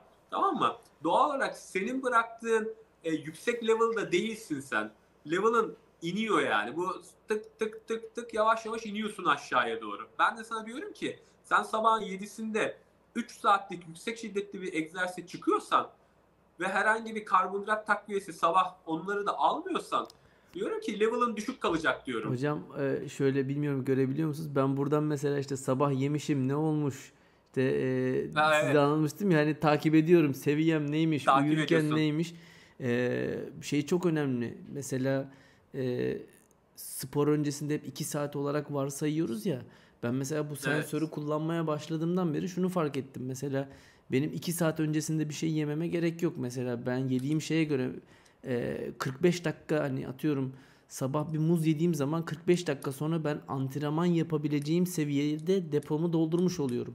2 saat erken Evet. kalkmama gerek kalmıyor gibi hani Aynen öyle. kişiden kişiye değişen çok farklı şeyler var. E, Bunlara dikkat etmek gerekiyor. Ben o zaman şöyle bir soruyla daha devam etmek istiyorum. Biraz şu tarafa yönelmek istiyorum. Ee, peki hani az beslenmek, çok beslenmek tamam az beslenirsek ne olacağımızı biliyoruz. Vücut yeterince beslenmediği zaman depolar belli bir seviyenin altına inince önce performansı düşürüyor, kendini rölantiye alıyor. Ondan sonra da seni dur noktasına getiriyor. Peki etkinlik sırasında beslenmemiz gerekenden fazla beslenirsek ne olur? Ya da Evet. beslenmemiz gerekenden fazla beslendiğimizin farkına varabilir miyiz? Varabilirsek nasıl varabiliriz hocam? Nasıl anlarız? Ee, sen şu anda sendeki sensörle bunu çok güzel anlarsın. Evet o, o orası Ee, öyle. Sen, sen çok güzel anlarsın. Ee, onu şöyle örnekleyelim. Şimdi e, yani glikoz e, takip sensörü var sende. Belki şu an hani yayında e, tam net anlaşılmıyorsa evet. onu ifade de etmiş olalım. E, onu başka çare, belki başka bir şekilde konuşuruz. Evet. O biraz teknik bir şey. Test aşamasında evet, evet. bir şey ama benim için. Aynen öyle. Test aşaması ama şöyle bir örnek vermek istiyorum. Sana şu anda e, bir e, enerji jel versek tamam mı? Şu anda diyelim senin şeker seviyen diyelim 90'da. E, sana biz e, bir e, jel verdikten sonra çok kısa bir sürede izotonik de olduğu için bu arada izotonik olması her zaman e, avantajdır jelin. Yani o kıvamının daha akışkan su gibi olması yani tam su gibi de değil de izotonik form deriz biz ona. Hani piyasada izotonikler de vardır, katılar da vardır. Katı jeli aldığın zaman orada öyle bir teknik bilgi de vereyim. Kana karışma süresi daha geçtir. Doğal olarak sana geç cevap, cevap verir. O yüzden izotonikleri kullanmak e, izotonik jel kullanmak çok daha avantajlıdır. Çok daha çabuk kana karışır. Yani böyle bir teknik bilgi de vermiş olayım. Şimdi sana böyle bir jel verdiğimiz zaman şu anda senin diyelim 90'da seyreden e, glikoz seviyen işte 105'e, 107'ye, 110'a çıkacak belki anlık olarak. Sana böyle bir tepki verecek. E, şimdi bu tepki yüksek bir tepki olarak kabul etmeli. Yani ideal bir tepki deriz. Senin performansına herhangi bir problem yaratmaz. Sana metabolik olarak vücudunda bir e, sıkıntı yaratmaz. Ama sana bir ikinci jel daha yükleyelim. Gereksiz bir şekilde anlık. Yani 30 gram yeter ama 90 gram yüklediğimizi düşünelim. Gereksiz bir şekilde. Bu sefer bu seviye sende daha fazlaya çıkacak.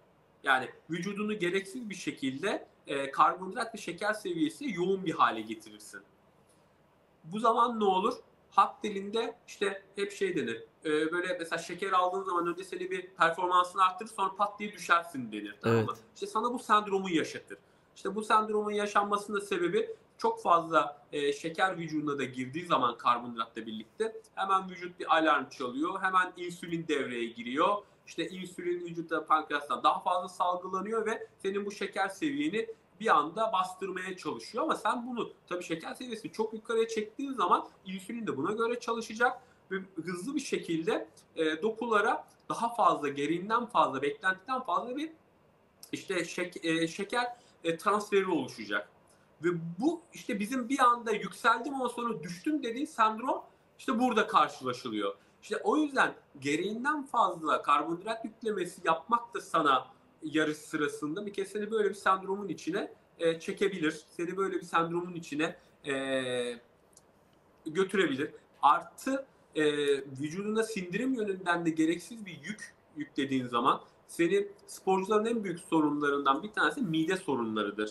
E, e, antrenmanlarsa. Mesela ben ultramaratonlara da işte e, gidiyorum, takip ediyorum. E, mesela bu sene isim vermeyeyim. Zaten şu an isim de aklıma gelmiyor ama çok favori yarışmacılardan bir tanesiyle böyle konuştum. Yarışmayı bıraktı. Sebebi e, şeydi, mide sorunu yaşamasıydı yani. Çünkü bir ultramaratoncu için beslenme çok önemli. Onu çok iyi yapması lazım. Gıda takviyeleri çok önemli. İçtiği jel, kullandığı izotonikler bunlar çok önemli. Oranlamaları çok önemli. Bunların bazılarının ucunu kaçırdığın zaman e, sana bazı mide problemleri yaşatabiliyor ve yarışmayı bıraktı. Yani yarışın favorisi mide problemi yüzünden yarışmayı bıraktı. Yani bizim özellikle gıda takviyelerinden örnek verirsem egzersiz sırasındaki gıda takviyesi kullanımlarındaki en büyük problemlerden bir tanesi mide problemleri oluşturması, sindirim problemleri oluşturması hem seni yoruyor hem vücudun e, o anki beynin e, bakış açısını değiştiriyor. Yani o an tamamen performansa odaklıyken e, vücudun, e, beynin bir de e, sindirimle uğraşıyor. Onunla e, ona bir enerji kaynağı olmak zorunda oluyor veya bunun bir de problemini yaşıyorsa zaten bunun problemini düzeltmekle uğraşıyor ve seni bölüyor açıkçası. Performansını bozuyor.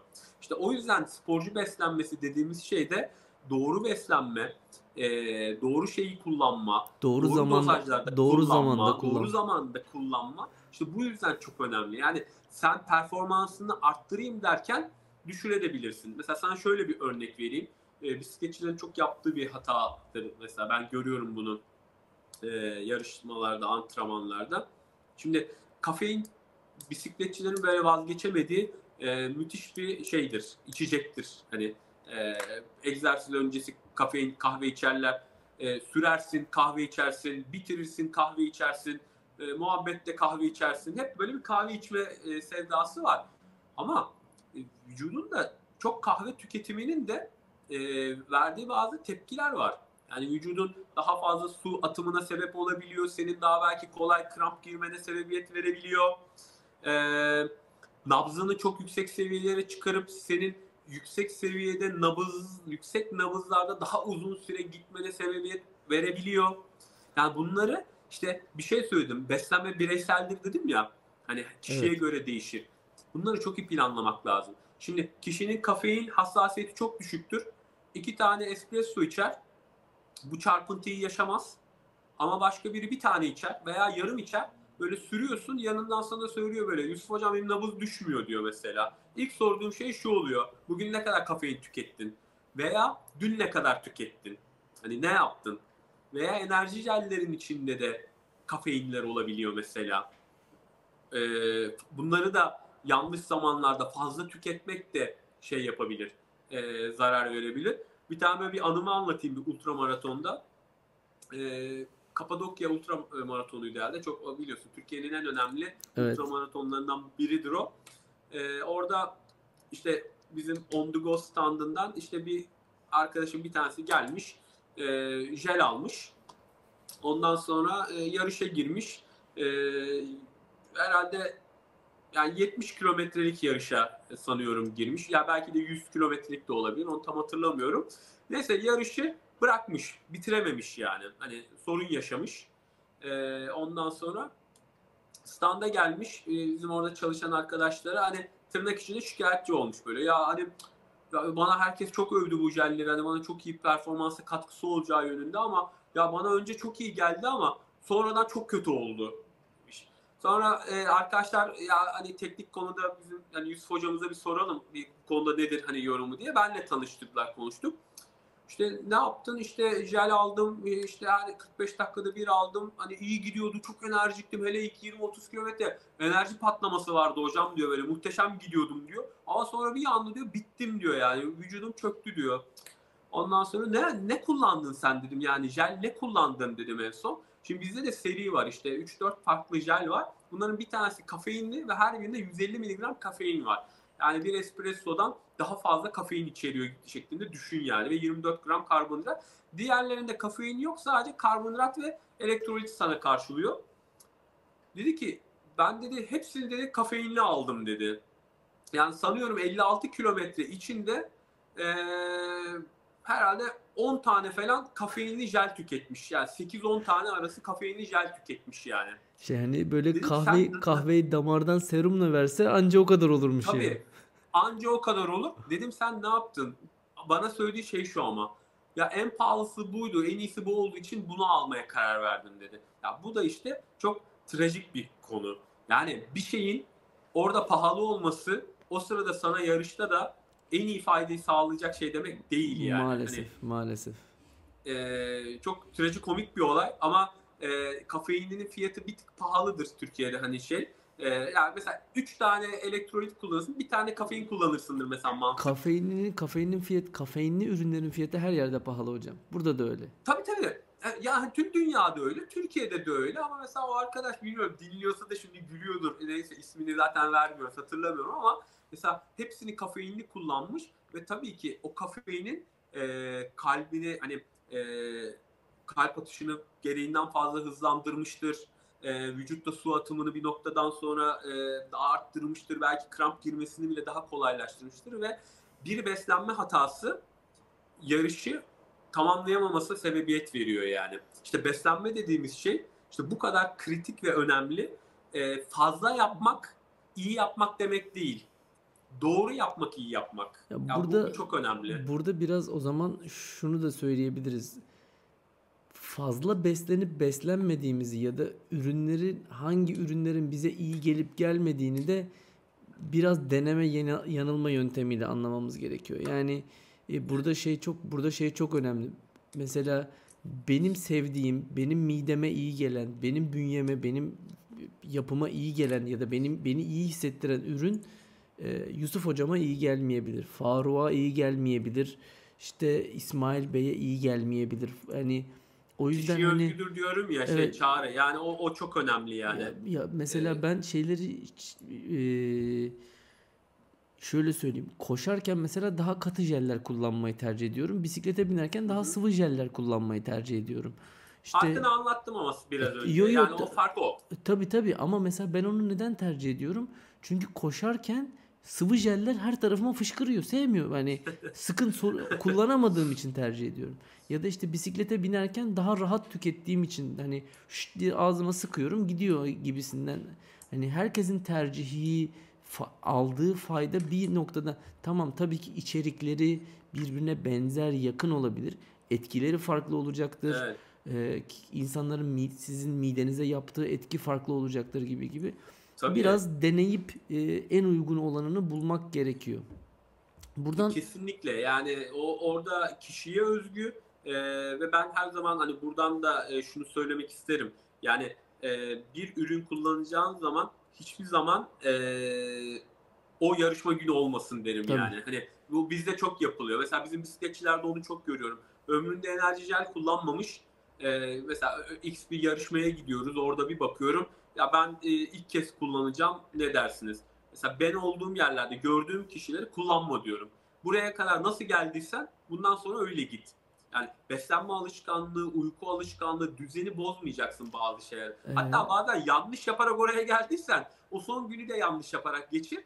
Bitir ondan sonra düzelteceksen düzelt yani. Hocam bu konuda şey var. Şimdi Bahadır hocam belki bizi izlemiyordur ama Bahadır iş seven var. Ultra maraton kaşar. İs, ismen belki tanıyorsunuzdur. İrfan hocam mutlaka tanır.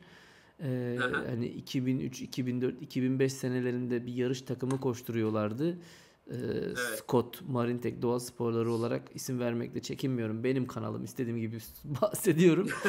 ee, e, bize hani ben de o zaman onlarla antrenman yapıyordum. Sürüşlere gidiyordum falan. Şey diyordu. Yarış günü çorabını bile değiştirmeyeceksin. Kesinlikle öyle. Hani yarış günü çorabını bile değiştirmeyeceksin. Yani hani o yüzden e, bu çok ayrı bir şey. Yarış demişken o zaman şöyle devam edelim. Söz arasında değindik hani işte etkinliğin şiddetine göre beslenmemizi farklı şekilde planlamamız gerekiyor. Ama evet bir antrenman şöyle söyleyeyim şimdi yarışı şiddetli bir etkinlik olarak varsayarsak e, şiddetli ve daha az şiddetli işte daha basic antrenmanlar sırasında beslenmemizi planlarken belli başlı ne gibi değişiklikler yapmamız lazım? Yani çok şiddetli bir antrenman yapacaksak beslenirken nelere dikkat etmemiz lazım? Tamam çok beslenmememiz ya da az beslenmememiz gerektiği aşikar.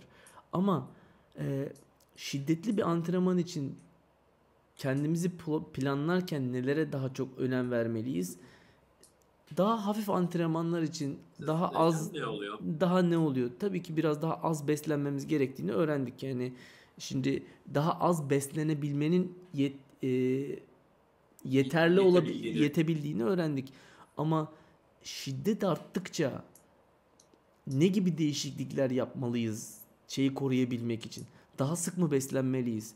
Ya da aldığımız ürünün içeriğini mi değiştirmeliyiz? Kullandığımız ürünün içeriğini mi değiştirmeliyiz?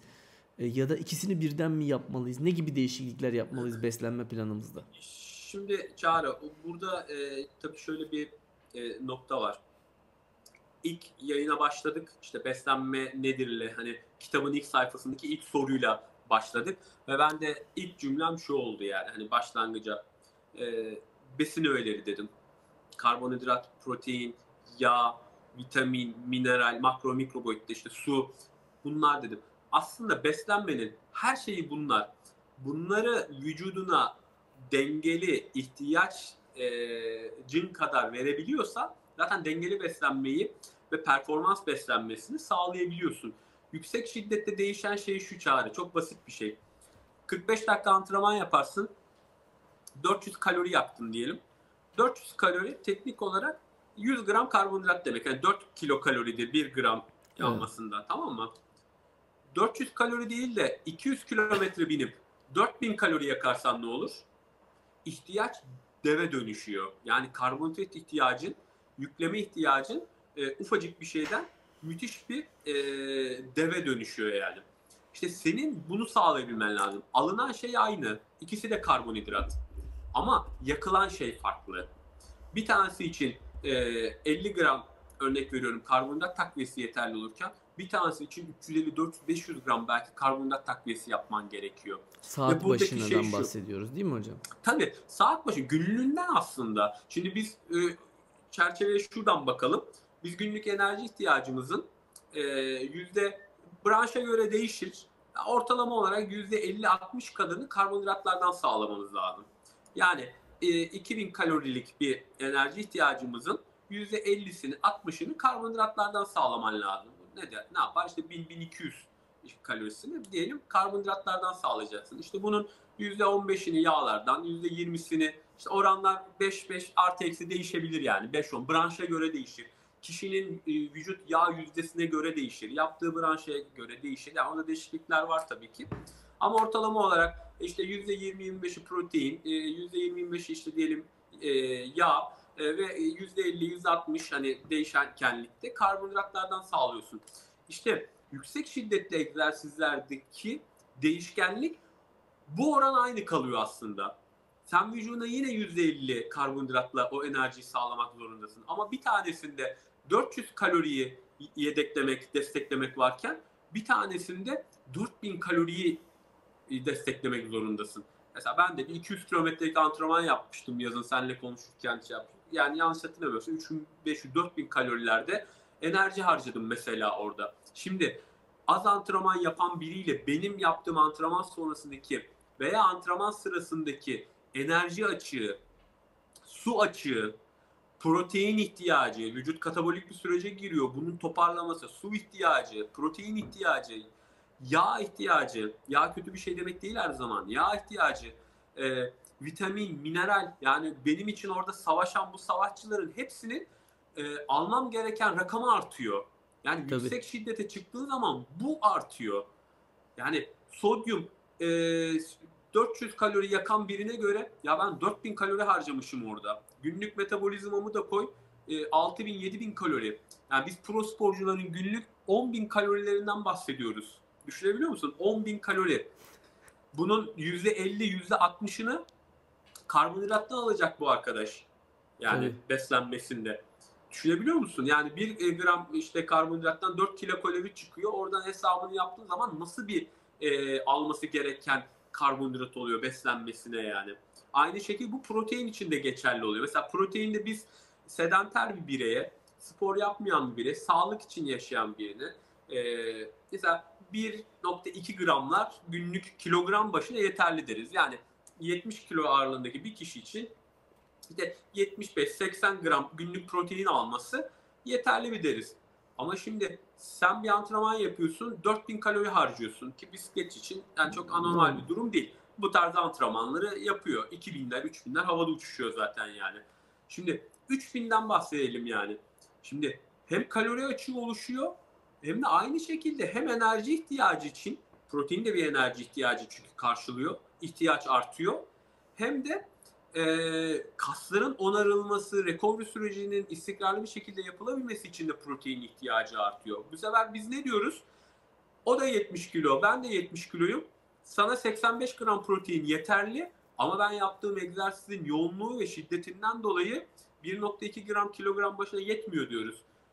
2 gram, 2.5 gram hani ortalama Ama zaten belli bir seviyenin şimdi mesela Hmm, yanlışsam beni düzeltin hocam. Mesela kilogram başına 3 gram protein tükettiğim zaman vücudun bunu bir noktadan sonra sentezleyebilmesi de bildiğim kadarıyla mümkün değil yani. Onun da zaten bir vücut var. depolayamıyor. Vücut vücut depolayamıyor zaten. Yok, hani ben sentez, proteini alayım. Sentezleyemiyor da yani. Fazlası ziyan olmuş oluyor.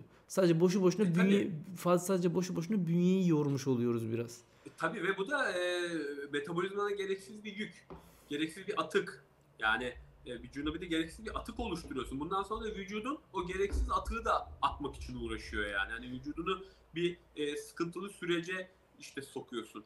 İşte e, o yüzden de mesela işte şeker, asitli içecekler vücudun metabolik süreçleri için işte yüktür sen bunu 20-21 gün mesela şekerden uzak yaşayan bir insan mutluluğa ulaşıyor gibi hisseder kendini tamam mı? Çünkü vücudu o kadar doğal formuna kavuşuyor ki hani e, yani şeker zehir yani eşittir zehir yani hani bunu hiç şey yapmaya gerek yok yani çok ciddi bir zehir yani e, şu andaki yeryüzündeki hastalıkların belki birçoğunun sebebi oluyor ya bir kere obezitenin sebebi zaten yani en büyük önemli sebeplerinden bir tanesi.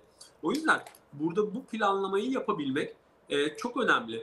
Yani 1 gram protein kilogram başına yetebilirken şiddeti arttığı zaman 2 gram, 2.2'ler, 2.5'lar e, değişiyor. E, bu aynı oran e, yani ben 200 kilometre antrenman yaptığım gün yani hesaplamalarıma göre içtiğim sodalarla birlikte 6 litre falan e, sıvı aldım o gün. 6 litre. Yani e, yaklaşık 8 saatlik bir sürüştü. Yani benim gibi amatör biri için hani benim için iyi bir süre diyelim.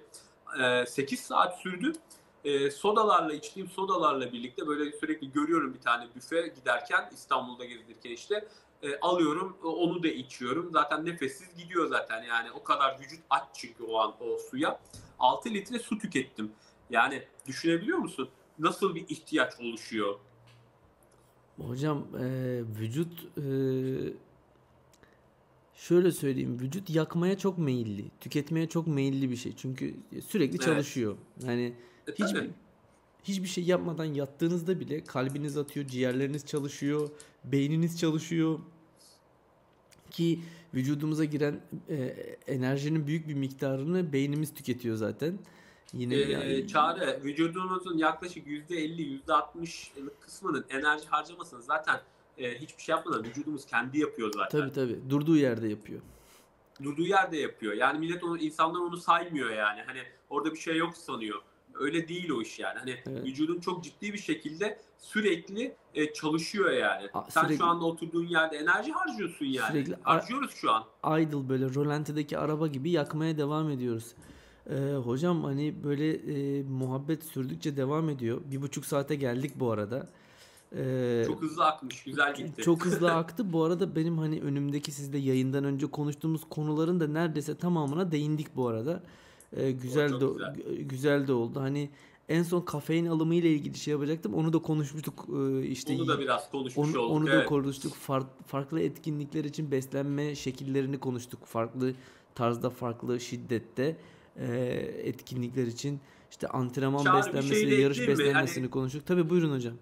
kafeini kafeini tabii orada e, e, negatif e, olası kötü özelliğinden bahsettim tabii ki orada ama kafein e, şu anda literatürde bilimsel çalışmalarda e, dünyada en çok araştırılan e, çalışmalardan biri e, şey e, etken maddelerden biridir kafein ve en çok çalışmaların sonucunda sonuç kısmında pozitif etkilerinin olduğundan bahsedilen e, etken e, maddelerden biridir kafein. Yani hani ben orada olası veya yanlış kullanımındaki negatif etkisini söyledim ama şu pozitif etkisini de es geçmeyelim. Kafeinin gerçekten fokuslanma, e, hani dayanıklılığının hani artması, e, yağ yakımı, e, performansı uzun süreli devam ettirebilme, e, beynin onu da etkisi şeyden gelir hani hani beyine hani sen yorulmadın devam edebilirsin etkisini verebilen bir şey aslında kafein. Yani Evet. Kafein aslında etkisi en önemli noktalarından bir tanesi budur yani. Sen yorulmadın devam et yani. Hani Kafeinin kafeinin e, kafein kullanımının tek sıkıntılı yanı siz kullandıkça vücudun kafeine olan direnci arttığı için sürekli sizin de Evet. aldığınız dozu arttırmanız gerekiyor. Sıkıntı arttırman orada. gerekiyor. Sıkıntı orada başlıyor zaten. Buna dikkat etmek lazım. Hocam güzel bir soru var. Elektrolit yerine soda içsek olur mu? Sizin sanıyorum ki sizin verdiğiniz hani sürekli Aslında içtiğiniz- biraz önce söylediğim şey. Soda içiyorumdaki kasıt o sırada ben yanıma bizim elektrolit tabletlerden almıştım. İşte bizim bir de Body Fuel diye ürünümüz var e, On The Go serisinin. Hem karbonhidrat hem elektrolitler sağlıyor. Şimdi cephane gibi çıktım antrenmana ama ceplerde hepsi bitti. Ve bittikten sonra en hızlı alternatifleri e, düşünmeye başlıyorsun.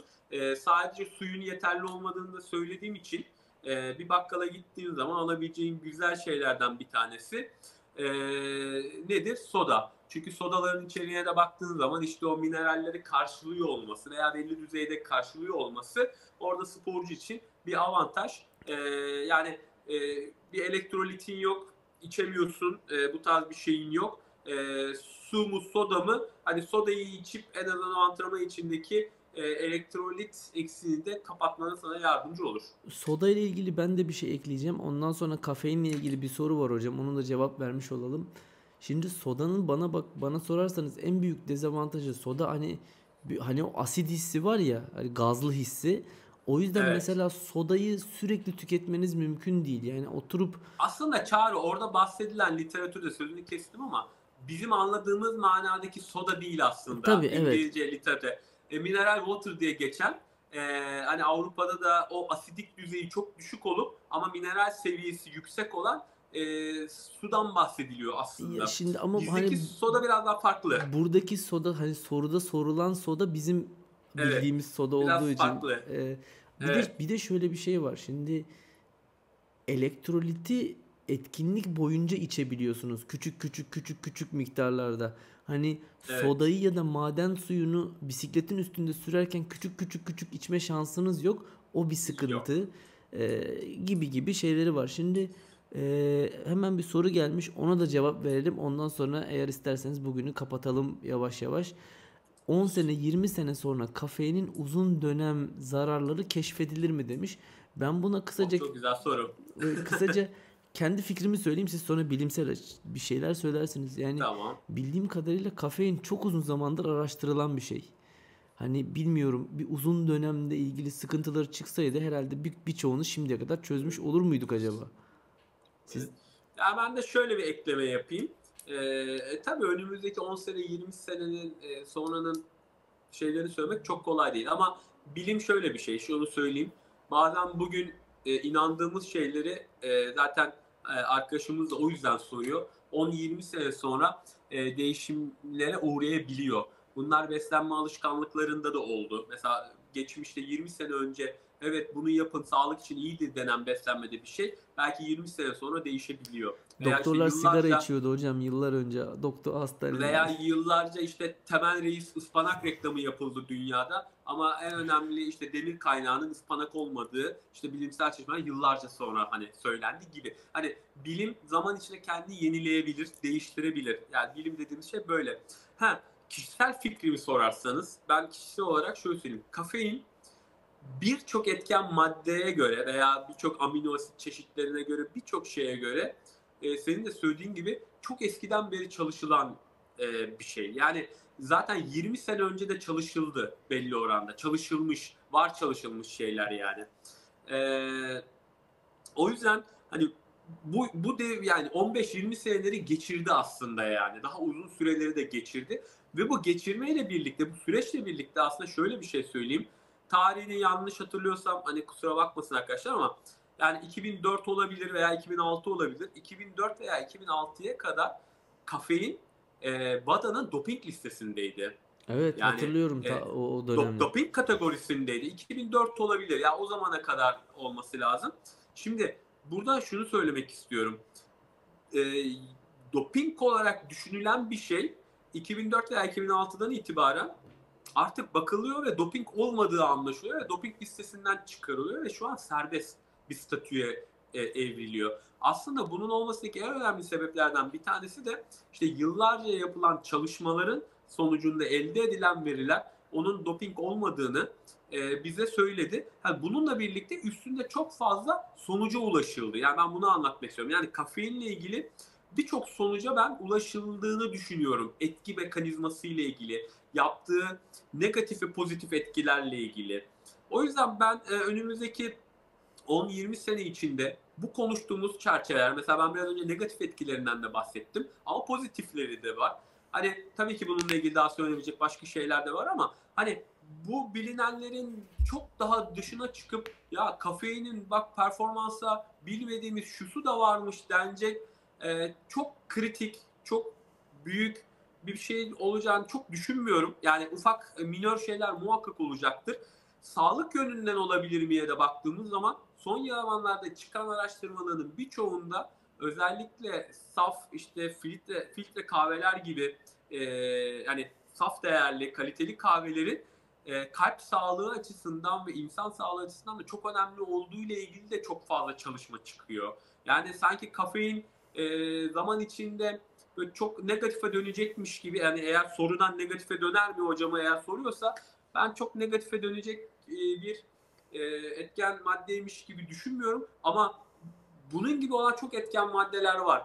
Hani çok böyle e, zamanında değer verilmiş olup da sonra bir bakıp ya tam bir fiyaskoymuş aslında hiçbir şeyde yokmuş denen çok şeyler var ama kafein onlardan biri değil yani. Ben bunu çok e, kendi kişisel görüşüm şu anda bu soruya göre kafein bunlardan biri değil. O zaman hocam ağzınıza sağlık. Çok teşekkür ediyorum. Bugün geldiniz. Bize çok değerli bilgiler anlattınız. Bizde çok değerli şeyler paylaştınız. E, mümkün olduğunca gelen sorulara cevap verdik. E, benim aklımdaki sorulara cevap bulduk. E, siz hem kendiniz bir de soru sorduğunuz cevap verdiniz. Çok keyifli bir sohbet. Çok keyifli bir sohbet oldu benim açımdan da. E, umuyorum ki demek istemiyorum. Biliyorum ki bizi izleyen, şu anda izleyen ya da bu yayını daha sonra izleyecek olan herkes buradan çok güzel şeyler öğrenecektir. Ee, siz de benim gibi böyle düşünüyorsanız bu yayını spor yapan, sadece bisikletçi demiyorum, spor yapan herkesle, spor yapan çevrenizdeki arkadaşlarınızla paylaşmayı ihmal etmeyin. Ee, beğenmeyi ve kanala abone olmayı bir sonraki canlı yayınlarda e, bizlerle beraber olmak için takipte kalmayı unutmayın diyorum. Tekrardan Yusuf Hocam ağzınıza sağlık. Ee, sorularınız varsa daha sonradan yorumlara da yazabilirsiniz. Bana sosyal medyadan ya da e-mail yoluyla da iletebilirsiniz. Ee, bunlara da ilerleyen dönemde bir şekilde belki yeni bir canlı yayında ya da farklı e, mecralardan mümkün olduğunca cevap vermeye çalışırız. E, hepinize çok teşekkür ediyorum. Bir sonraki bölümde görüşmek üzere diyorum. Haftaya çarşamba e, çok sürpriz bir şeyler yapmayı planlıyoruz. Hep herkes kendine iyi baksın. E, iyi akşamlar. Çok teşekkürler. Görüşmek üzere. İyi akşamlar herkese. Tüm katılanlara teşekkürler.